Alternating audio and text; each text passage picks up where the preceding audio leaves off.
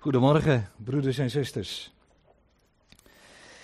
Ja, zoals uh, aangekondigd willen we vanmorgen stilstaan bij uh, de eerste verse van uh, Hebreeën 11. De eerste verse van Hebreeën 11, de verse 1 tot en met 3.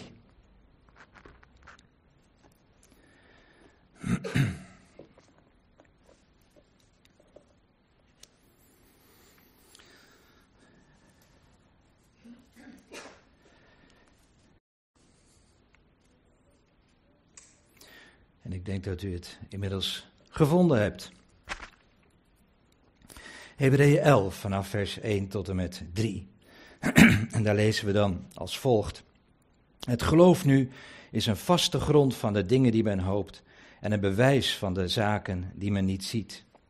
Hierdoor immers hebben de ouden een goed getuigenis gekregen. Door het geloof zien wij in dat de wereld tot stand gebracht is door het woord van God. En wel zo dat de dingen die men niet ziet, die men ziet, sorry, niets ontstaan zijn uit wat zichtbaar is. Tot zover dit schriftgedeelte.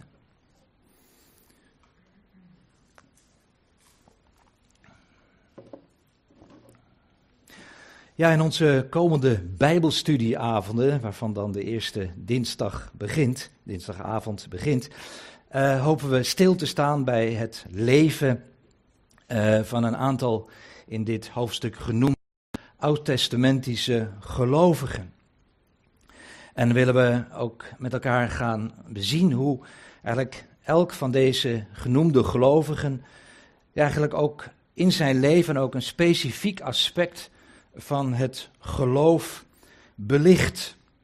En als ik zeg een specifiek aspect, dan ja, impliceert dat natuurlijk dat het geloof meerdere aspecten kenmerkt. En eh, die dan ook in de praktijk hè, van elke gelovige zo tot uitdrukking komt. Om maar even een, voorbeeld te noemen hè, uit dan het voorgaande hoofdstuk Hebreeën 10 vers 34, eh, waar de apostel dan zegt, de schrijver van deze brief, want u hebt ook medelijden gehad met mij in mijn boeien. En dan vervolgens, en de beroving van uw eigendommen, staat er, met blijdschap aanvaard in de wetenschap dat u voor uzelf een beter en blijvend bezit in de hemelen hebt. Mag duidelijk zijn dat deze brief aan de Hebreeën voornamelijk gericht is aan Joodse gelovigen. Joodse gelovigen die ja, onder zware druk leefden. Uh, toen zij tot, tot erkentenis kwamen hè, dat Jezus de Messias is, heeft dat voor hun ernstige vervolgingen tot gevolg gehad. En zoals we ja, kunnen lezen in Hebreeën 10, vers 34, zomaar een voorbeeld waar ook in Hebreeën 11 nog veel meer voorbeelden aan worden toegevoegd. Hè, um, ja, zijn zij um, eigenlijk onder zo'n geweldige problematische omstandigheden gekomen dat zij zelfs hun aardse rijkdommen hun zijn ontnomen. En eigenlijk is het zo bijzonder als je dat zo leest, dat, dat ze daar niet tegen in opstand zijn gekomen, dat ze niet uh, allerlei uh, rechtszaken hebben gevoerd. Uh, je leest ook niet erover over hen dat zij nadat uh, ja, deze dramatische gebeurtenissen hebben plaatsgevonden, uh, dat zij verbitterd zijn geraakt. Maar zo lezen wij, zij hebben de beroving van hun eigendommen met blijdschap aanvaard, geaccepteerd, zoals inderdaad dat hen overkwam. En dan kun je natuurlijk uh, je afvragen, was dat dan zo'n blijde, zo'n vreugdevolle ervaring? Nou, dat zal het ongetwijfeld niet zijn geweest. Maar uit de tekst kunnen we wel opmaken dat zij toch hun, hun blijdschap uh, hebben gevonden in het geloof. Hun blijdschap tegelijkertijd hebben gevonden in, in de zekerheid hè, dat zij een beter en blijvend bezit in de hemelen hadden. Met andere woorden, hun, oog was niet gericht op de omstandigheden, datgene wat daar plaatsvond, maar, en laten we dat er meteen ook aan toevoegen, door hebben zij eigenlijk mogen zien op dat hemelse. Op datgene wat, ja, wat, wat de Heere voor hen had bereid. Een beter bezit in de hemelen en tegelijkertijd ook een blijvend bezit. Uh, ja, dat dat bezit beter was hè, in de hemelen. Je komt dat ook zo mooi ook weer tegen uh, in het geloof van Abraham hè, en, en de zijnen. Waarvan we lezen in, uh, in hoofdstuk 11, vers 15 en 16. Hè, en als zij aan het vaderland gedacht hadden van waaruit zij weggegaan waren, zouden zij gelegenheid gehad hebben om terug te keren. Maar nu verlangen zij naar een beter, en daar heb je weer het woord beter, naar een beter, dat is een hemelsvaderland. En dan staat er vervolgens, daarom schaamt God zich niet voor hen om hun God te noemen, want hij had voor hen een stad gereed gemaakt. Nou, we zullen ongetwijfeld ook in onze Bijbelstudies ook stilstaan bij wat die stad dan is. Maar in ieder geval, het mooie is dat ja, zij hadden kunnen terugkeren als, als hun, ja, hun aandacht gevestigd was op datgene wat zij verlaten hebben. En we weten van Abraham, dat lezen we ook in Hebreeën 11, dat hij geroepen werd naar een plaats ja, die hij niet kende. Hij heeft alles achtergelaten. Maar het is door het geloof dat zij eh, ja, verlangden en uitzagen naar een beter vaderland. En dan ook dat blijvend bezit. Nog even terugkomend op, op die gelovigen die, ja, die, die hun eigendommen hebben, hebben zien weggeroofd worden. Dat zij uitkeken naar een, een beter en blijvend bezit in de hemelen. Het is altijd zo mooi zoals de Heer Jezus dat ook zegt in Matthäus 6 en daar eigenlijk aardse rijkdommen eigenlijk heel erg relativeert. Hoe mooi ze ook kunnen zijn. Maar daar zegt de Heer Jezus, eh, verzamel geen schatten voor u op de aarde. Waar mot en roes verderven, waar dieven inbreken en stelen. Maar verzamel schatten voor u in de hemel, waar geen mot of roest ze verderft. En waar dieven niet inbreken of stelen. Want waar uw hart is, daar zal ook uw hart zijn. En daar zie je eigenlijk waar het in de Bijbel altijd om gaat. Het gaat de Heer om ons hart. Waar is ons hart? Waar zijn onze gedachten? Waar is ons hart op afgestemd? De Heer Jezus die, die woning wil maken in ons hart, die ons hart volkomen wil bezitten. Ik denk ook aan de woorden van de apostel Paulus als hij ook op de knieën gaat voor de gelovigen in Efeze en dan, dan bidt uh, dat hij, de Heer, u geeft naar de rijkdom van zijn heerlijkheid met kracht gesterkt te worden door zijn geest in de innerlijke mens, opdat Christus door het geloof in uw harten woning maakt. Door het geloof wil hij in onze harten woning maken. Nou, door het geloof, dat is eigenlijk het grote thema van Hebreeën 11. Wat we ook maar liefst twintig keer tegenkomen, die uitdrukking door het geloof. Het is soms wel eens, eh, wel eens goed om ook eens te kijken naar dat voorzetsel, hè, door het geloof. Je kunt namelijk ook spreken tot geloof. Het komen tot geloof. Eigenlijk een heel bijzonder moment als je tot geloof mag komen in de Jezus Christus. Ik kan me dat nog goed herinneren Um, hoe ik tot geloof ben gekomen, dat, ja, dat iemand mij vroeg, Ton, weet jij wel zeker, hè, als er vandaag wat met jou zou gebeuren, dat je, dat je dan naar de hemel gaat, hè, dat je dan behouden bent.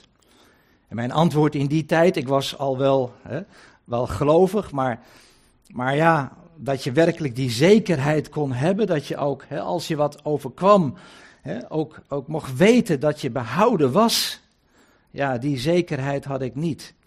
En toen heeft die, die broeder me meegenomen, ik zal het nooit vergeten, naar 1 Johannes 5, waar Paulus dan zegt, wie in de zoon, wie de zoon heeft, die heeft het leven.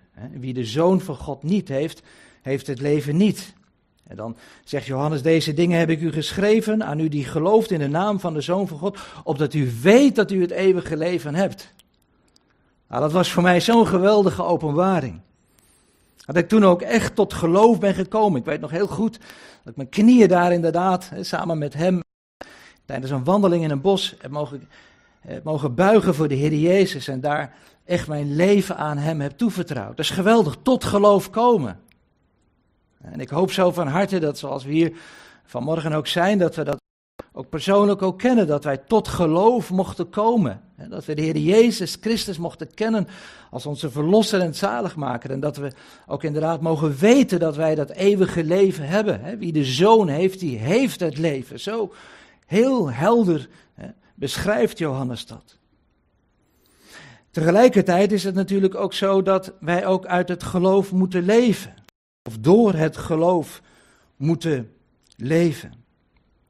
En daar gaat het eigenlijk in Hebreeën 11 over. Over al die gelovigen die inderdaad niet alleen tot geloof zijn gekomen, maar ook hebben geleerd in hun omstandigheden, in de tijd waarin zij leefden, met de roeping waarmee zij geroepen zijn, om door dat geloof eigenlijk de weg door dit leven te gaan en tot hun bestemming te komen. En dat alles is door het geloof. Maar ja, dan is het natuurlijk goed om je die vraag te stellen.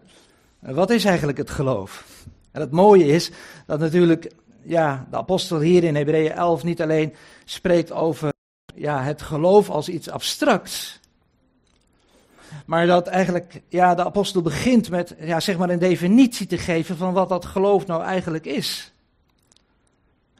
En op basis daarvan laat hij eigenlijk zien hoe dat geloof dan ook werkzaam is in al die geloofsgetuigen die in dit hoofdstuk worden opgezond.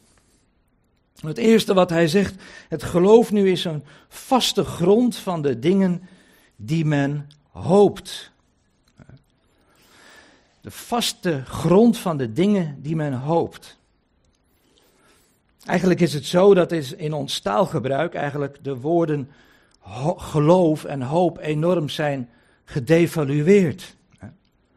Als je vandaag spreekt over geloof, ik geloof het wel of ik hoop het wel, dan, ja, dan, dan is dat eigenlijk een tegenstelling, in tegenstelling tot het zeker weten. Taal maakt natuurlijk ook een ontwikkeling mee. En je ziet ook dat ook in de taal eigenlijk een, ja, eigenlijk gaandeweg ook een neergaande lijn vaak uh, ja, gaande is. Geloof, hoop, het zijn, het zijn abstracte uh, dingen die eigenlijk, ja, eigenlijk alleen maar een bepaald wensen hè, tot, tot, tot uitdrukking brengen. Uh, ik geloof het wel, het, het zou kunnen. Uh, en ja, het valt mij eigenlijk ook op, en misschien toch ook wel goed om dat ook eens te noemen, ook met die hele coronapandemie, waar we allemaal zo op een trieste wijze mee worden geconfronteerd, ook in, onze, onze, ons gezin, in ons gemeenteleven. het valt mij ook op dat ook onder christenen, eh, ja, de een geloven bijvoorbeeld dat er een, een complot achter zit. Hè, dat, die, dat het virus eh, ja, voortkomt uit een laboratorium en gemaakt is met hele slechte bedoelingen. En sommigen gaan dan nog een, een, een stapje verder en, en, geloven bijvoorbeeld dat er straks hè, dat vaccin een, een nanochip bevat. Ehm, dat in staat is om mensen eh, stiekem te volgen, hè, te traceren en, en ja, verder eigenlijk ook uh, ja, kunnen nagaan heer, waar de mens zich bevindt, wat hij doet, enzovoort, enzovoort. En dat zijn, eigenlijk, dat is een soort geloof, zou je kunnen zeggen, op basis van een persoonlijke inschatting. Hè? Op uh, allerlei geruchten die circuleren waar, ja, waar dan een persoonlijke inschatting bij wordt gemaakt. Geloof je dat nou of, of geloof je dat, dat niet? En datzelfde eigenlijk met betrekking tot, tot hoop. Hè? Ja, ja, je hoopt het wel of, of je hoopt het niet. Maar eigenlijk als je spreekt over in ons algemeen taalgebruik, hè, over het begrip hopen, dan, ja, dan, dan mist dat eigenlijk elk ankerpunt. Hopen heeft eigenlijk vooral de betekenis van iets heel subjectiefs, iets wat je graag gerealiseerd zou willen zien. En wat ze, wat ze oorsprong eigenlijk heeft in je eigen hart, in je eigen gedachten. Nou, het mooie is dat, dat bijbelse hoop is altijd gebaseerd op een vaste grond, op een vaste fundament. Namelijk op het geloof. En we zien ook eigenlijk al in dit eerste, dit eerste vers, hè, het geloof nu is de vaste grond van de dingen die men hoopt. Hè.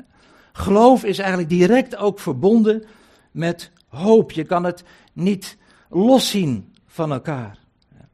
En die hoop die Gods woord ons, ons geeft, met betrekking dus, want hoop heeft altijd te maken met de toekomst, die is altijd gebaseerd op, op, op het geloof. Ja, maar dan is natuurlijk de vraag, waarop is geloof dan gebaseerd?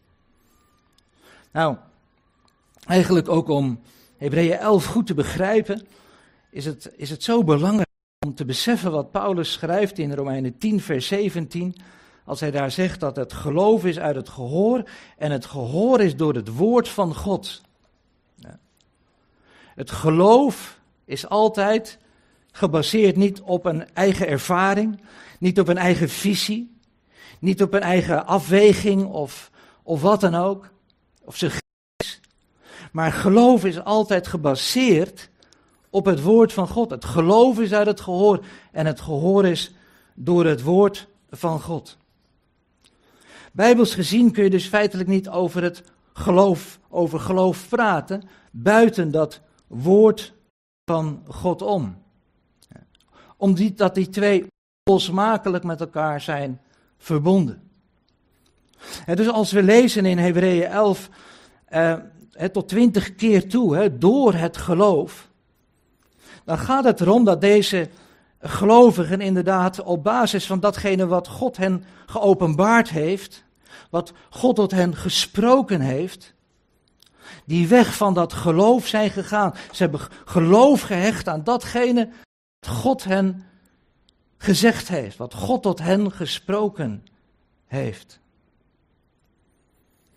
En dat is eigenlijk, ja, toen ik daar zo mee bezig was, moest ik ik onwillekeurig steeds denken aan die, woord, die woorden of die vraag van Pilatus. Hè? Wat is waarheid?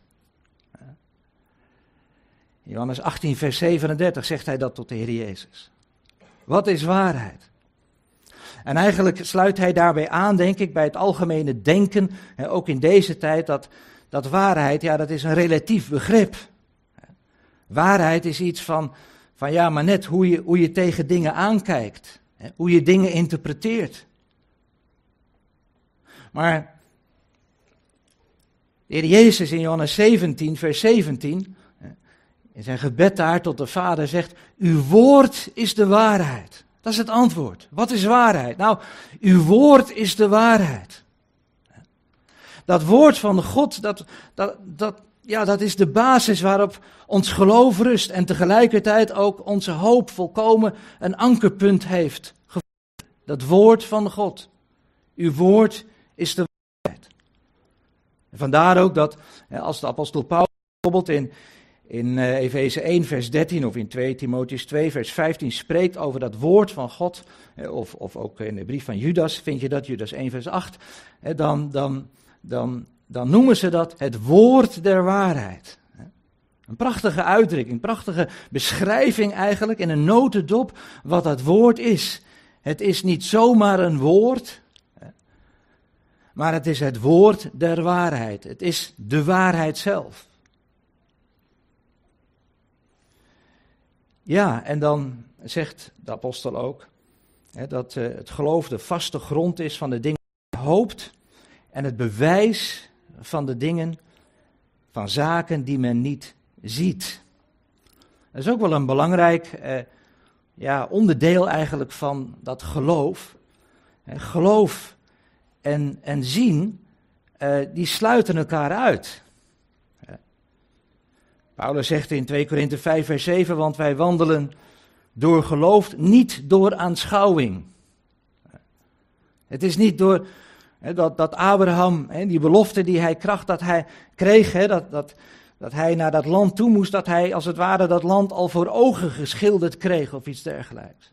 Nee, Abraham, we komen daar natuurlijk allemaal nog over te spreken, ging inderdaad in, volkomen in het geloof zonder te zien.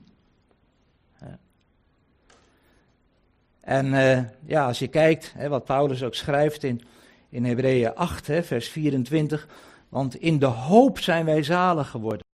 Hoop nu die gezien wordt, is geen hoop. Immers, wat iemand ziet, waarom zou hij dan nog hopen? Maar als wij hopen wat wij niet zien, dan verwachten wij het met volharding. Ja, inderdaad. Want geloof, ja, om inderdaad die weg te gaan die, die God je wijst in, vanuit zijn woord. Ja, dat, dat, dat heeft soms wel volharding nodig. Denk gelovigen, hè, die, die hun eigendommen, aardse, aardse eigendommen werden ontnomen, werden beroofd. En dat moet een ontstellende, uh, ja, dramatische, uh, traumatische ervaring zijn geweest. Daarin hebben zij moeten volharden, lieve vrienden. En zo mogen ook wij volharden in dat geloof. Ons vasthouden aan datgene wat de Heere zegt in zijn woord. En dat woord der waarheid dan ook echt ook als, als waarheid ook, ook volkomen ook beleiden. Ook een plaats geven in ons hart. Ja, en dan is het zo mooi dat je dan leest in vers 2. Hierdoor hebben de ouden een goed getuigenis gekregen. En dan gaat het over deze gelovigen, deze geloofsgetuigen in Hebreeën 11. Die inderdaad natuurlijk ook een, ook een getuigenis zijn geweest voor hun omgeving. Ook een getuigenis voor ons hebben achtergelaten. Maar dat is eigenlijk niet wat de apostel hier zegt. Nee, het is God zelf geweest die hun een, een, een getuigenis, een goed getuigenis gegeven heeft. Ze hebben dat ontvangen op basis van het feit dat ze eenvoudig de Here hebben vertrouwd op zijn woord. Je zou kunnen zeggen, Hebreeën 11 is één groot getuigschrift. Een goddelijk getuigschrift. Het is mooi als je een getuigschrift aan hebt van, van, van nou, een opleiding die je hebt gevolgd of een bepaalde uh, iets, een uh, stage hebt mogen lopen. Dat is, dat is geweldig fijn. Maar wat is het prachtig dat de Heer ook, als het ware, getuigschriften uitdeelt. Hij geeft een goed getuigenis aan diegenen die eenvoudig in dat geloof hun weg zijn gegaan. En dan is het zo mooi, hè? dan staat er ook in vers 16 van Hebreeën 11. Daarom schaamt God zich niet voor hen om hun God te worden. Hij schaamt zich niet. Hij is hun God. De God van Abraham, de God van Isaac, de God van Jacob. we hebben daar ook een prachtig kinderlied van. Eh, wat, wat inderdaad geeft, de God van. en dan komen er allerlei namen voorbij prachtig ook inderdaad te zien, en dat, dat gaat het ook in Hebreeën 11, hoe, hoe God in die levens allemaal hè, tot zijn doel is gekomen, hoe God heeft gewerkt. En hoe zij inderdaad hè, door het geloof dan ook ja, tot hun bestemming zijn gekomen. Wat mij ook zo opvalt is, hè, we hadden het net al even over die, die gelovigen die, die al hun, al hun, al hun aardse eh, goederen geroofd zagen en dan staat er in, in vers 38, hè, in 11, de wereld was hen niet waard. En de wereld heeft ze als het ware uitgekotst, zo zeggen. De wereld was hen niet waard. Zij dwaalden rond gelegen plaatsen, in, verbleven op bergen, in grotten en holen in de aarde. Nou, we hebben net uh, de nacht uh, zonder dak gehad. Nou, ik denk dat dat maar, maar, ja, maar eigenlijk heel sumier hè, een ervaring is van wat deze gelovigen hebben doorstaan. En wat vandaag aan het natuurlijk ook nog zoveel gelovigen hè, eigenlijk zich herkennen in deze woorden. Hoe zij eigenlijk voortdurend op de vlucht zijn en voortdurend in angst leven. De wereld was hen niet waard. En toch staat er in deze allen hoewel ze door het geloof hè, hebben een, een goed getuigenis van God gekregen. En wat geweldig dat hè, als de wereld ja, je, je misschien niet wil, hè, misschien ervaar je dat wel op school of met je vrienden, dat, dat, dat, vriendinnen, dat, dat ze je eigenlijk, eigenlijk helemaal niet leuk vinden omdat jij naar de kerk gaat, omdat jij zegt dat je gelooft in de Heer Jezus. En dat je mag weten dat Gods oog op jou is gevestigd. Dat jou dat getuigenis geeft. Je hoort erbij. Je bent mijn eigendom. Nou, en dan vers 3. Eh, door het geloof zien wij dat de wereld tot stand gebracht is door het woord van God. En wel zo dat de dingen die men niet ziet, niet ontstaan zijn uit wat zichtbaar is. Ja, de dingen zoals die ontstaan zijn, zijn niet ontstaan uit hetgeen zichtbaar is. Ja, is het moeilijk om te geloven? Ja, weet je, als je praat over geloof, dan, dan is het natuurlijk altijd weer de vraag: hoe betrouwbaar is de bron? Hè? Waar, waar je vertrouwen op vestigt. Is het zo geweldig te mogen weten dat Gods woord 100% betrouwbaar is, omdat God zelf 100% betrouwbaar is. En dat inderdaad Hij, ja, die hele schepping, dat wat we om ons heen zien, dat Hij dat tot stand gebracht heeft door het woord. De zichtbare dingen zijn niet ontstaan uit wat zichtbaar is, maar, maar door het woord. Is eigenlijk zo prachtig als je, als je dat eens even op je laat inwerken. Hè? Dat, dat zoals inderdaad er staat in Psalm 33, vers 9. God spreekt en het is er.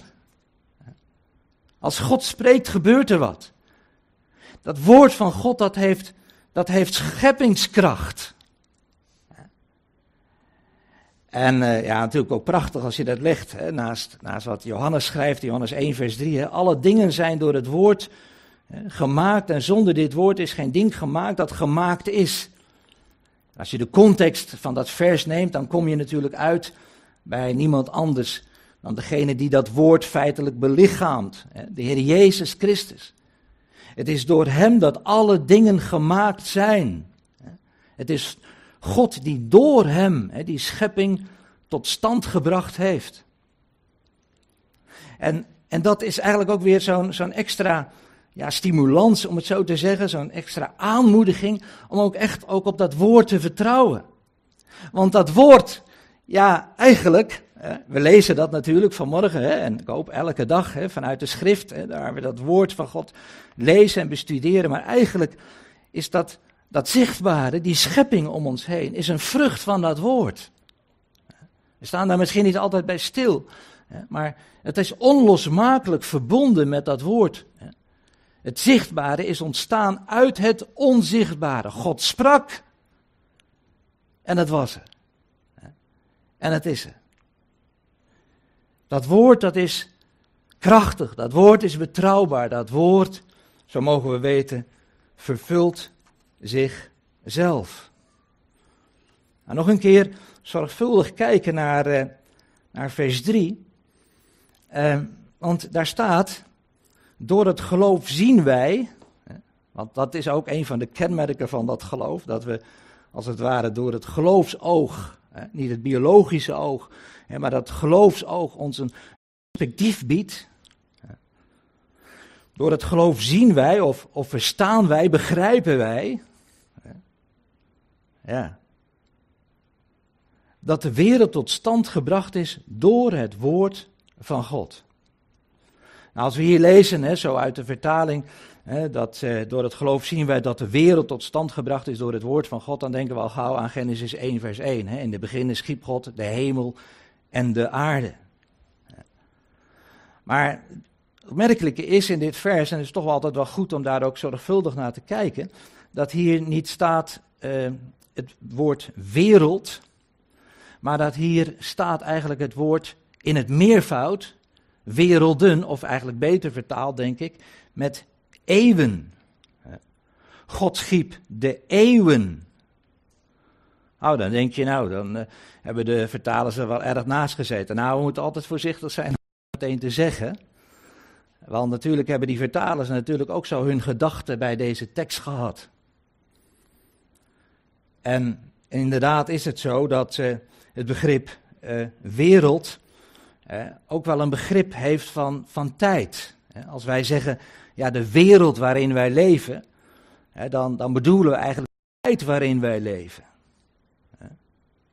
En uh, ja, ook dat zie je natuurlijk ook in de, in de schrift eigenlijk, eh, eigenlijk terugkomen. Als, als Paulus eh, zegt, aan de, schrijft aan de Galaten over de tegenwoordige slechte wereld, dan gebruikt hij ook eigenlijk datzelfde woord als ook hier de apostel gebruikt in Hebreeën 11. Deze tegenwoordige boze aion. Alleen hier in Hebreeën 11 gaat het niet over enkelvoud, maar over meervoud. God die inderdaad dan door dat woord ehm, eigenlijk ja, die, eh, die werelden heeft tot stand gebracht. Ehm, ja, wat, wat, wat moeten we daarmee? Dat is eigenlijk best wel een, best wel een lastige. Nou, ik denk dat wat de, de schrift hier eigenlijk doelt, is ehm, dat, ehm, ja, dat we hier eigenlijk te maken hebben met, met een fasen in dat heilsplan van God. Die, die, die tijdperken die God geschapen heeft door zijn woord. Je zou kunnen zeggen, hè, de, dat, dat, dat woord, hè, dat, ja, die, die fasen hè, dat van het heilsplan eigenlijk hè, daar tot stand heeft gebracht, waardoor God hè, met de wereldgeschiedenis tot zijn doel komt. Hè. Je kunnen zeggen, de wereld die als het ware meereist in de tijd, hè, om uiteindelijk ja, te komen tot het moment waarin waarin God dan ook alles en in allen zal zijn. Dat is eigenlijk best wel een mooie manier om ook, ook te kijken ook naar, naar, naar de ontwikkelingen in de tijd waarin wij leven, die, ik geef het meteen toe, zeer zorgwekkend zijn.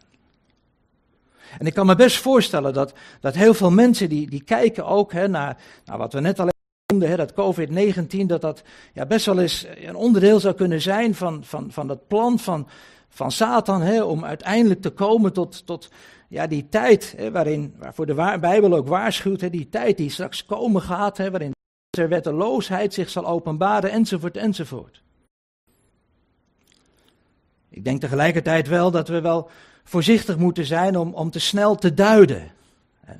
Meteen te zeggen, ja, dit, hè, nou dat is eigenlijk eh, de vervulling van, hè, van dat wat, wat daar en daar in de geschreven staat. We moeten daar voorzichtig mee zijn. Moeten niet gaan speculeren. We moeten altijd dat woord van God het, het hoogste gezag geven. En van daaruit leren te denken. Maar ik denk dat het ook zo mooi is dat we tegelijkertijd ook zien dat God ook de tijden in zijn hand heeft.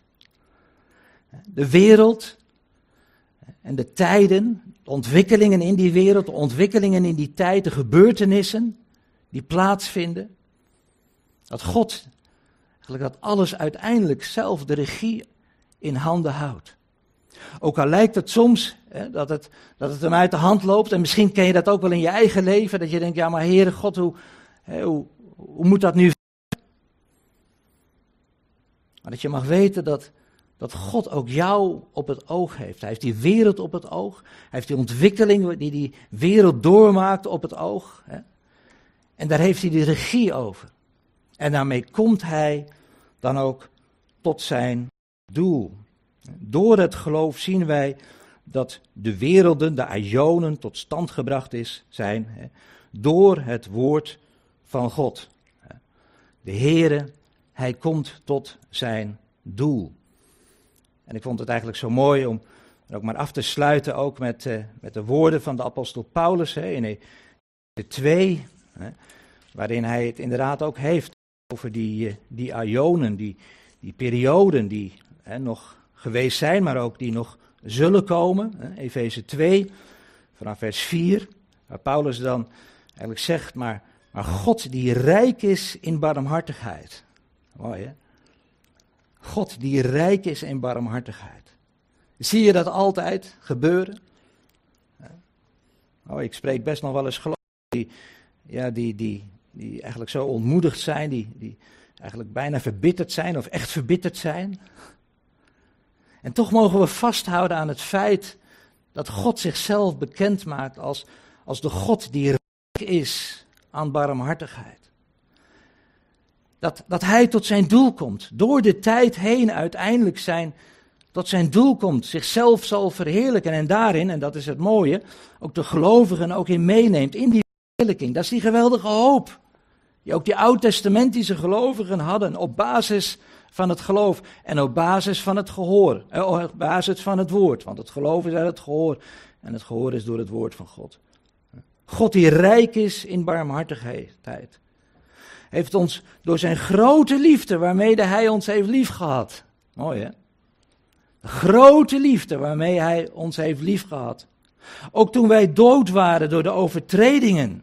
Waarvan je zou denken, nou, dat is eigenlijk een reden geweest voor God om, om, om, om ons maar de rug toe te keren. Nee, ondanks het feit dat wij dood waren in de overtredingen, heeft Hij ons met Christus levend gemaakt. En dan zegt Paulus, uit genade bent u zalig geworden. Het is niet op basis van, van wat jij tot stand hebt gebracht.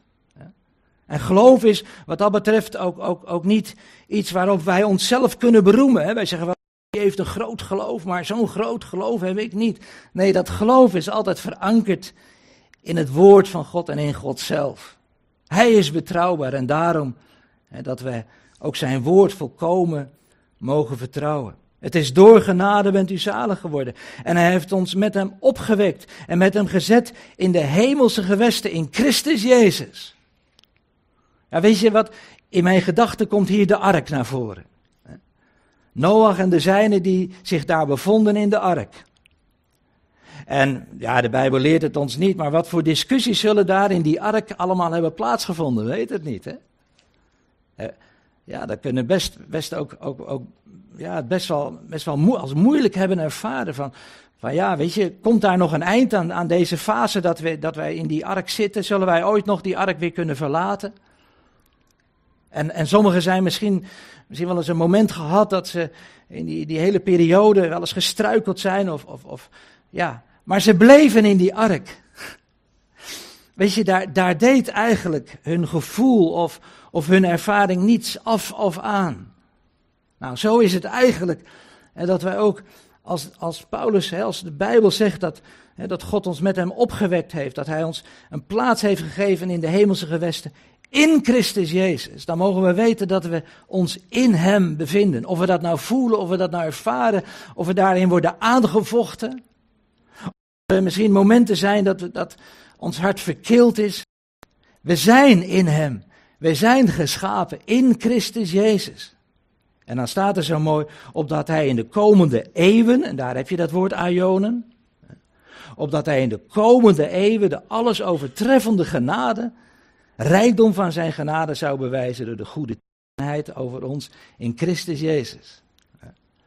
Er gaat nog een hele periode komen, de toekomende aionen, de werelden die God geschapen heeft. En, en het is zo prachtig dat we mogen dat, dat God ons daarin een plaats gegeven heeft. En dat we inderdaad in die toekomende aionen, die toekomende eeuwen, dat, eh, ja, dat God dan ook hè, zijn alles overtreffende rijkdom hè, van zijn genade zal bewijzen. En we zullen wat dat betreft, ja, hè, we hebben het net gelezen in Hebreeën 11, hè, dat God zelf getuigenis heeft gegeven aan deze oud-testamentische gelovigen. Ik stel me ook voor dat uh, ook in de toekomst, hè, in die toekomende aionen, dat, uh, dat de Heer dan ook, uh, ja, getuigenis geeft aan datgene wat Hij in ons leven door Zijn genade heeft mogen uitwerken. Nou, het was uh, het begin van uh, Hebreeën 11 en ik hoop jullie van harte uh, te zien. Het was vanmorgen misschien wat theoretisch, maar we zullen de, tijdens de Bijbelstudies vooral ook ingaan op de praktijk van het geloofsleven. Maar daarvoor is wel de basis zoals de apostel die ook neerlegt in deze eerste drie versen van Hebreeën 11, van cruciaal belang. Geloofd en geprezen zij zijn wonderbare en heilige naam. Amen.